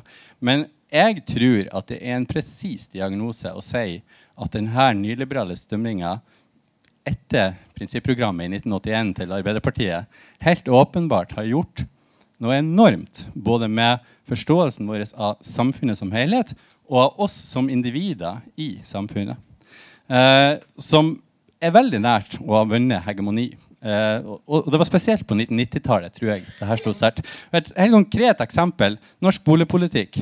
En forskyvning fra at man hadde en boligpolitikk innretta mot sosial boligbygging, sånn at man skulle få mest mulig eh, rimelige boliger til folk flest, over til at støtta gis til hvert enkelt individ ut ifra en tanke om at man skal heve vanskeligstilte individer sånn at man blir konkurransedyktig i eh, boligmarkedet. Det er en helt bevisst gjennomført endring av norsk boligpolitikk som i stor grad ble båret fram av Arbeiderpartiet, eh, og som har en tydelig nyliberal konnotasjon. Um, og jeg syns det er så utrolig viktig, helt uavhengig altså Jeg er en liberaler på mange måter. Uh, tilhører ikke noe ytre venstreside. Men, uh, men jeg syns det er så viktig at denne, det blir tydeliggjort hva nyliberalismen handler om. Uh, for derigjennom å kan gjøre en effektiv kritikk av den. Uh, en effektiv tankespinn rundt hvordan vi skal skape et annet samfunn. For at jeg tror at nyliberalismen har, har et altfor sterkt hegemoni. og vi trenger rett og slett de brytningene som skapes rundt det, for at vi skal klare å reflektere over finnes det en annen måte å organisere samfunnet på. Så all ære til dere for at dere har gjort det. Jeg hadde bare lyst til å si det. det er ingen spørsmål egentlig, men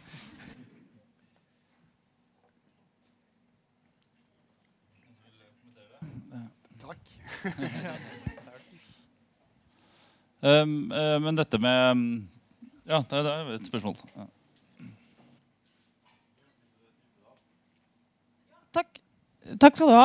Jeg har egentlig et spørsmål om nyliberalisme, skole og litt sånn sosialpolitikk for, og venstresida. For jeg lurer egentlig litt på den, hva skjedde med venstresida når man trodde at man kunne for redde hele samfunnet ved at folk fullførte videregående opplæring?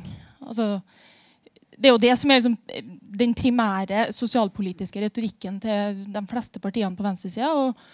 Tror man at det liksom finnes opp nye jobber i Norge hvis 30% fullfører videregående neste år? Og jeg sier det også som en opplysning til salen og som et spørsmål jeg personlig liksom lurer på. fordi Si at alle, si at alle fullfører videregående neste år. så det er jo ikke sånn at det vil bli 30% flere jobber som eh, dukker opp. Og det inngår jo på en måte i på mange måter så har det paralleller faktisk til kritikken av innvandringsskapet til SSB. For Der tar man jo også utgangspunkt i en nullpunktsmodell uten innvandring. Og på samme måte i frafallsregnskapet så tar man utgangspunkt i at samfunnet på en eller annen mystisk måte ikke vil endre seg selv om alle fullfører videregående opplæring. Hvem er det som ikke får en jobb da, hvis alle fullfører videregående opplæring? Så det var et spørsmål og en tanke. Ja, er det jeg som er mot utdanning her, så får jeg svare på det. Nei, men, nei, men eh, den som er nærmest å skrive dette den boka, er Ellen Engestad. Den meritokratiartikkelen. Og det syns jeg er en utrolig bra analyse som hun gjør. fordi at det er det som har drevet fram Og jeg tror dessverre at en del av det, av det er venstresida som har drevet fram. At man hadde historisk en idé om at hvis alle fikk muligheten å slippe inn på skolen, så ville liksom det Det var utro, en utrolig viktig velferdsreform i Norge. Og det var det jo. Det var helt åpenbart. Men det som på en måte har skjedd i større og større grad, er at man har mista helt blikk på akkurat som du peker på, på arbeidsmarkedet. Og I stedet så fokuserer man bare på å få folk gjennom skolen og på en måte få løst det problemet. Og Senest Trond Giske tror jeg i Dagens Næringsliv det må ha vært i forrige uke i forbindelse med lanseringen av Aps statsbudsjett, så presenterte han noen sånne sparereformer Og en av de sparereformene Da hadde han på en måte da hadde han regnet på det, hadde spart 15 milliarder i årene på at han fikk redusert frafallet med 50 Da var det løst. Da hadde de jobb. Og da er det sånn, da har de fullført videregående. Det er det som har skjedd da. Men er det noen jobb der? Og hva jobb er det? Og det man heller ikke må undervurdere, tror jeg, det er det at når du ikke fullfører videregående i vårt samfunn i dag 97% begynner på videregående. Det fins ingen land i verden som er i nærheten av en sånn andel. Det er helt sykt uh, utdanningspolitisk eksperiment, egentlig. 97% begynner på videregående. Det er en av grunnene til at vi har høyt frafall i Norge. for det er så mange begynner. 97 begynner på videregående, og så dropper det er vel 16% i dag som aldri fullfører, og 30% som ikke klarer det på noe mer tid. Og de 16% som på en måte aldri fullfører, de det er vanskelig å si dette på noen måte, men de stryker jo i samfunnets eksamen. Samfunnet gir de beskjed om å fikse det. Sånn at sjansen for For det første er det helt usannsynlig at alle skal bestå den eksamen der. At det skal gå. At det i det hele tatt er mulig. og det man snakker om sånn totalitær idé, også, det er jævlig nært, eh, tror jeg. da. Så er absolutt alle 16-åringer, uansett hva de er, uansett hva interesse de har, skal gå på videregående. Og det andre er er det noen, altså Dette er jo hundrevis av problemer de har. Mange faller jo ut av videregående fordi at de har psykiske problemer, fordi de har problemer hjemme, sosiale problemer som ordnes alt mulig. Og det å tro at bare de fullfører, man kan klare det, bare de har det papiret, så skal det løse alle disse underliggende problemene. Og i tillegg stå en klar jobb der for de. Det er helt urealistisk. da. Og vi har jo et bevis på hvordan dette går. for contrary to popular belief i Norge, så er det jo sånn at Norge har ikke så høyt utdanningsnivå sammenlignet med land i Europa. Det, Norge er et av de liksom, landene med lavere sånn, Det er jo østeuropeiske land særlig med høyt utdanningsnivå. Og så er det søreuropeiske land. finnes det noen. Men i Spania og Portugal, når finanskrisen kom, så så man jo det at selv folk med mastergrad ble jo arbeidsløse. For det er helt utrolig nok og Beklager til alle dere som går på universitetet, og har gjort det, men det er ikke noen garanti når jobben blir lagt ned, at du har den graden. Det hjelper deg ingenting. Det hjelper deg bare hvis det er noen under deg som kan siles ut fordi de har lavere formalkompetanse enn deg. Men hvis ingen er under deg, så er du den som er nederst. Og da ryker du ut. Sånn at ja, det der er, nei, Jeg kan ikke si at jeg er veldig enig i det du sier, og jeg synes det er veldig bra poeng det du sier med den innvandrerregnskap-greien òg. At de jobbene de gjør, er nødvendige, og de ville måtte bli gjort av noen uansett. Og den ideen om at man liksom bare får et samfunn der 100% har fullført maksimal utdanning Tenk om alle har doktorgrad. Da Da må det være enormt mange jobber i samfunnet. Altså det, det, er, må, det er ikke sånn det funker. Og, og når, når Kristin Halvorsen sier at utdanning er svaret på sosiale problemer, så er det feil det er det arbeidslivet som er eh, nesten alltid. Så der har venstresida forglemt seg, og de er i mine øyne nesten verre enn uh, høyresida på det punktet.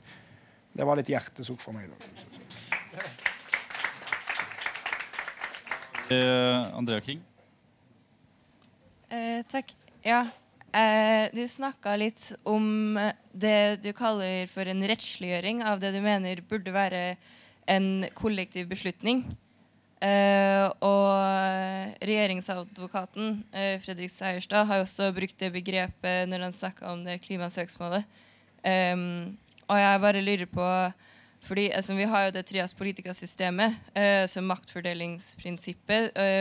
og det er liksom sånn at det, de skal liksom holde hverandre i sjakk. da, og Når du sier at det blir en rettsliggjøring, mener du at det maktfordelingsprinsippet ikke fungerer? Eller hva, hva, er det du mener med det? Fordi det virker jo som om det på en måte fungerer akkurat som det skal. De mener jo at Stortinget på en måte har trådd over sin grense, da. Og at det er jo det rettsvesenet er til for. Nei, jeg mener bare at dette I alle fornuftige samfunn så er dette gradsspørsmål, liksom. Hvor, hvilke beslutninger skal ligge hvor. Altså maktfordelingen hvordan fordeles den makten i norsk historie, så har rettsstatens makt altså kontra Stortinget da, Den har bølga fram og tilbake i lange perioder vært ganske liten. Og i nyere tid vært ganske stor, økende. Så det mener jeg er problematisk. da, fordi jeg, jeg, mener, og, og, det er vel egentlig det opprinnelige maktfordelingsprinsippet òg, at den folkevalgte forsamlingen er over de andre to. Det er den, De andre tos makt er delegert fra den folkevalgte forsamlingen. Det er den folkevalgte forsamlingen som Regjeringen utgår jo fra Stortinget, f.eks., og det er regjeringen som oppnevner dommerne. Så alt utgår jo fra det opprinnelige valget, da, og de vedtar lovene i tillegg. Sånn at, sånn at jeg er enig i maktfordelingsideen og prinsippet, men det vil alltid være en diskusjon om hvor er det grensene for de ulike skal gå. Og jeg, jeg mener at det beveger seg ja, ut uh, og, altså, det, blir, det, blir, for mye uh, som blir opp til domstolen, og for lite som blir opp til de folkevalgte. Og Det er en del av en større trend, som er det egentlig vi beskriver her. da, Som er at folkevalgte forsamlinger i liksom, liberalismens tid får stadig mindre å si, og at den stemmerettsmotstanden som før var artikulert i liberalismen som en sånn motstand mot svinaktig pøbel og massen og sånn, den har kommet opp igjen på ny som en sånn idé om å begrense domenet til stemmeretten. At man ikke skal kunne, at staten får mindre makt, liksom, og folkestyret får mindre makt. Og Det er der på en måte en del av de diskusjonene går i dag. da.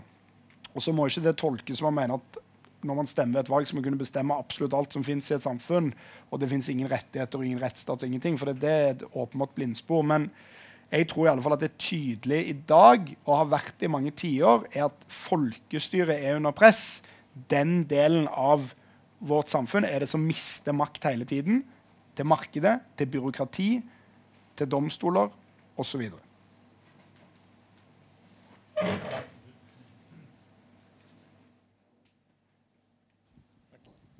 Hei.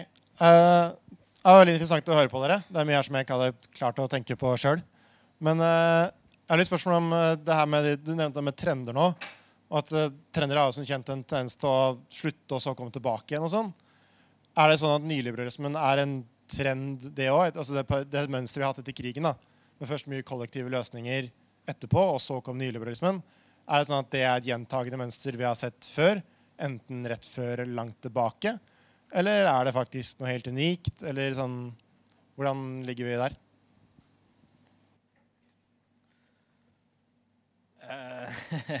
jo, altså det, du kan jo si at uh, i uh, hva skal man si, kapitalismens historie så har du utviklinger fra det her går i bølger. Jeg skriver bl.a. om Carl Polani, som, som mener her at du har en slags sånn bølge eh, greie, hvor, hvor først så, så, prøver du å frislippe markedene, og så får du masse problemer med det. for det er, han mener, Polanyi mener at det er livsfarlig, og det begynner å true liksom, samfunnets eksistens som sådan.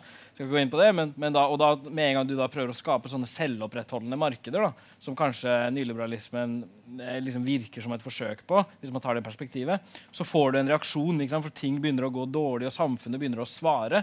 Og så får, får du en begrensning av de der markedene, og så går det sånn fram og tilbake mellom mellom eh, begrensa markeder og forsøk på å liksom, skape sånn selvopprettende markeder.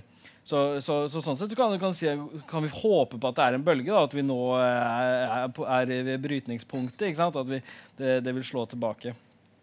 Men, eh, men, da er det jo, mener jeg også at det er et problem med den dynamikken som, hvor vi hele tida får de der problemene som vender tilbake. Men, eh, men ja,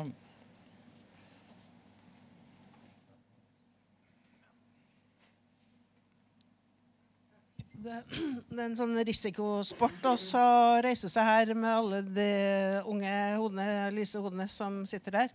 Men jeg er altså da sånn anakronisme, en revolusjonær eh, sosiologistudent på 68-tallet som sloss mot kapitalismen og trodde at nå hadde vi funnet løsningen. Nå vi, skulle vi stå sammen og i fellesskap og mot kapitalismen. Og det var en glød av en annen verden, og vi trodde Og det, vi gjorde veldig mye bra også eh, for utviklingen av samfunnet, sånn som jeg ser det. da. Eh, men så tenkte også, i den diskusjonen så snakka vi også om kanskje kapitalismen kunne gjøre noe bra også. Eh, hvis du bare liksom hører på om det var noe som kunne være bra for fellesskapet.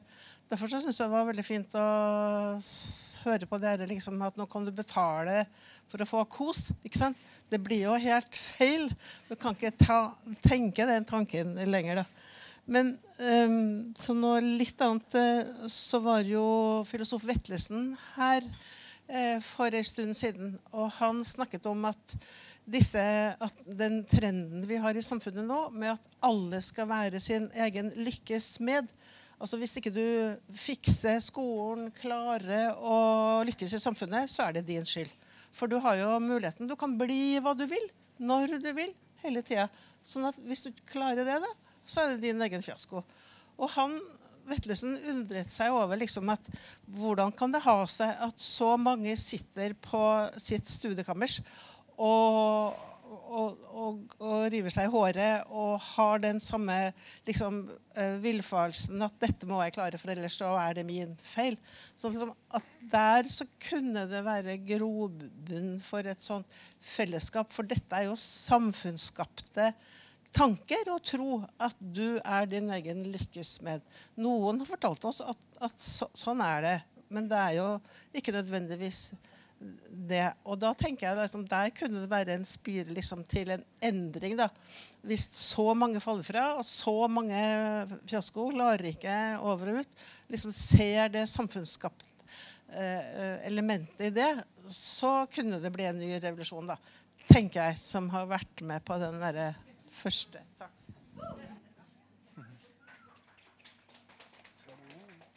Ja, jeg kan bare legge, Siden du nevner Vetlesen og det foredraget han holdt uh, for noen uker siden her, som var veldig bra, så kan vi legge til uh, det du ikke nevnte, som han er opptatt av, er jo miljøspørsmål. Da. Jeg tror han, han, Hans poeng her var særlig at hvorfor samles man ikke om noe når det gjelder miljøspørsmålene og det, ja, særlig klimaendringene, men også artsutryddelse, som foregår i et voldsomt tempo nå. og ja, senkning av biodiversitet osv. Eh, og jeg er jo uh, Jeg har hatt Vetlesen som veileder i fem år, og jeg mener han er uh, inne på noe der.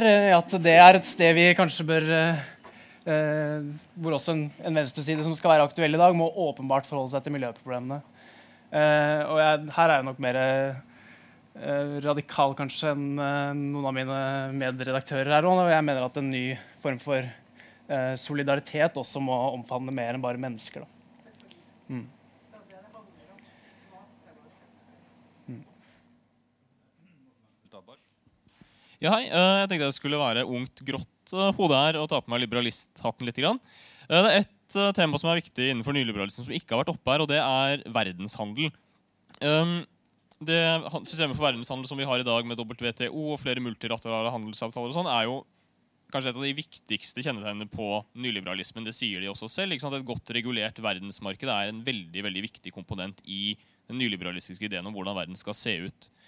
Og det jeg har lyst til å spørre dere om Er er den nyliberale verdensorden innenfor handel en dårlig eller en god ting, eller noe midt imellom? Vi vet f.eks. at det at Kina og India har blitt integrert i verdens handelssystem, har ført en helt utrolig velstandsvekst i de to landene som de kanskje ikke ville hatt ellers. Så jeg lurer på, er dere har dere lyst til å gi nyliberalismen litt kred her, eller er det noe som er bra, men kunne vært bedre, eller generelt dårlig? Jeg tror for det første at Handelsvekst er noe som har eksistert ganske lenge, og også før de sånn, mer spesielle nyliberale ideene. Eh, og hvis man sier noe som Det som kjennetegner det nyliberale verdensøkonomiske regimet, er jo at du, du, fjerner all mulig form for kapitalkontroll, og du får veldig åpne kapitalmarkeder i hele verden.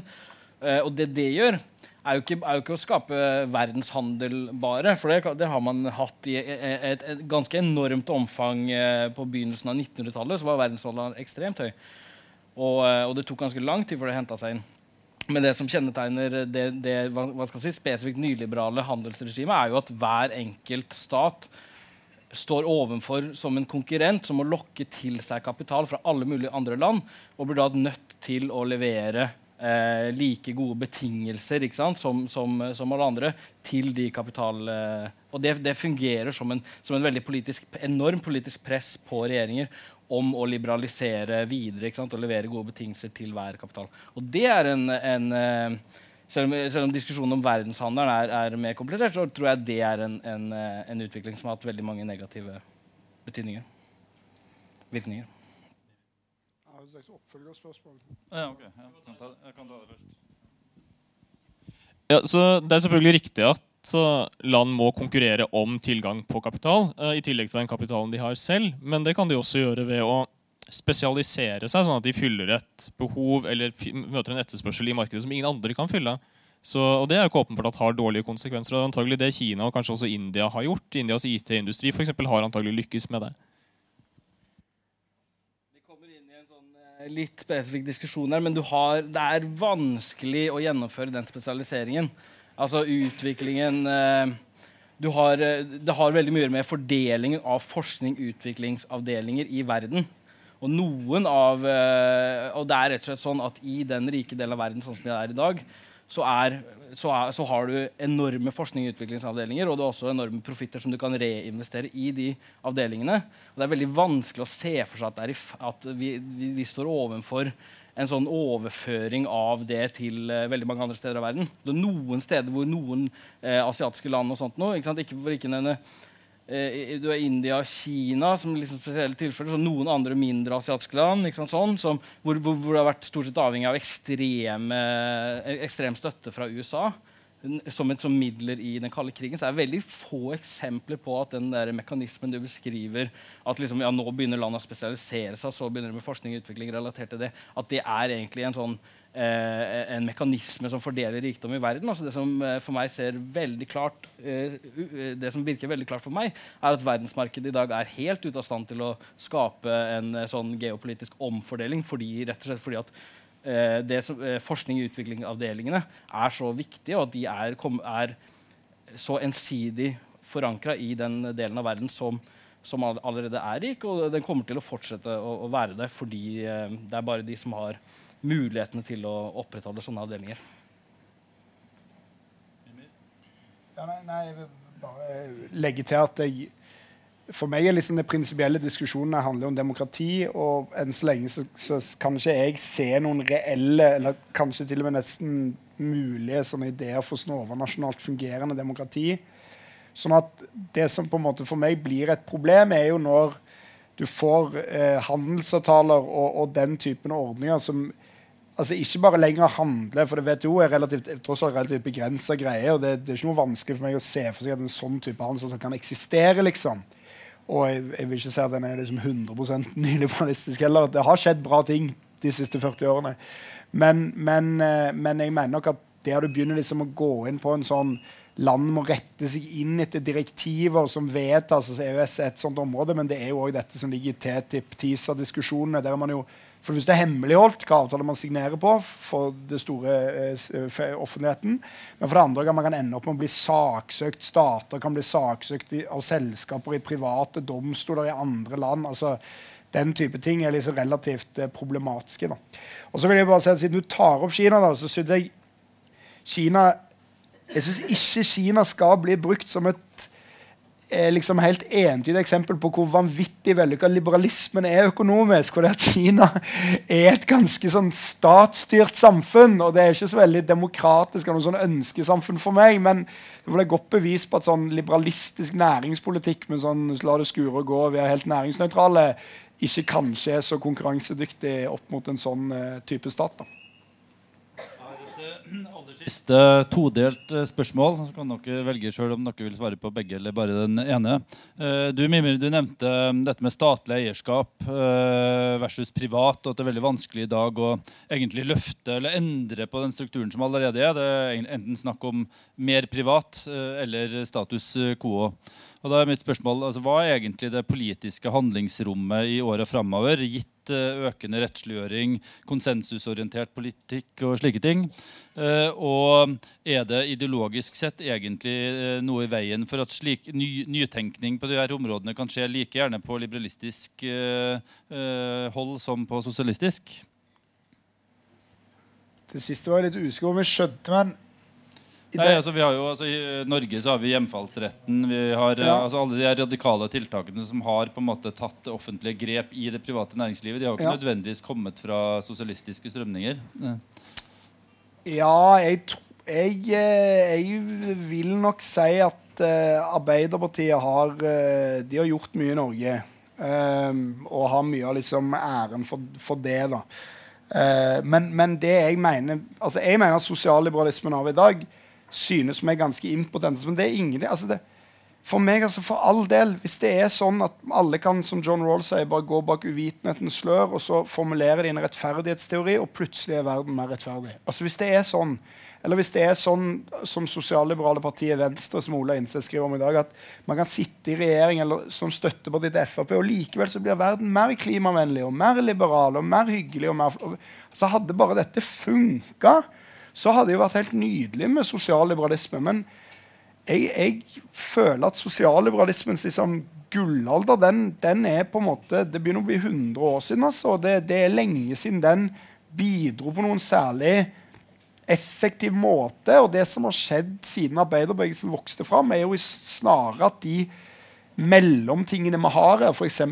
den norske staten, har jo blitt til i kamp mellom to ulike kapitalistiske, sosialistiske bevegelser som har på en måte kriga og kriga kommet fram til liksom enigheter. Og det jeg vel mener har skjedd de siste fire tiårene, er at den sosialistiske blokken bare har ramla sammen. Sånn at nå er det ikke noen sånn motkraft som på en måte jobber mot det. Og da får man ikke lenger den typen sånn ja, heller, Man får heller ikke noe sosialdemokrati av det. Uh, uten noen liksom mer uh, grunnleggende sånn uh, brudd med liberalismen. Så det er vel, Men når du spør om handlingsrom politisk, så er jo bare svaret at det må man bare jobbe på som faen for å få til. liksom, Og det, det ser jo ikke alltid så lyst ut, men uh, altså i alle dager Det er jo bare Det er jo det er tross alt ennå sånn i Norge i alle fall, at det er folk som bestemmer i valg hva slags politikk vi skal ha. og, og det finnes betydelige krefter i norske samfunn i LO og andre steder som jobber for, for andre typer ting enn det som er, er liberalisme. Så jeg ser ikke på det som noen sånn håpløs oppgave, selv om det har jo vært en lang motbakke nå. da. Men så kommer man på toppen og kan begynne å trille ned. Ja, hva tenker dere andre to? Altså jeg tenker at uh, Vi har jo blitt kritisert mye for at vi ikke tar opp de mest progressive delene av liberalismen med John Rawls og mer sånn egalitære liberalister. ikke tar det seriøst.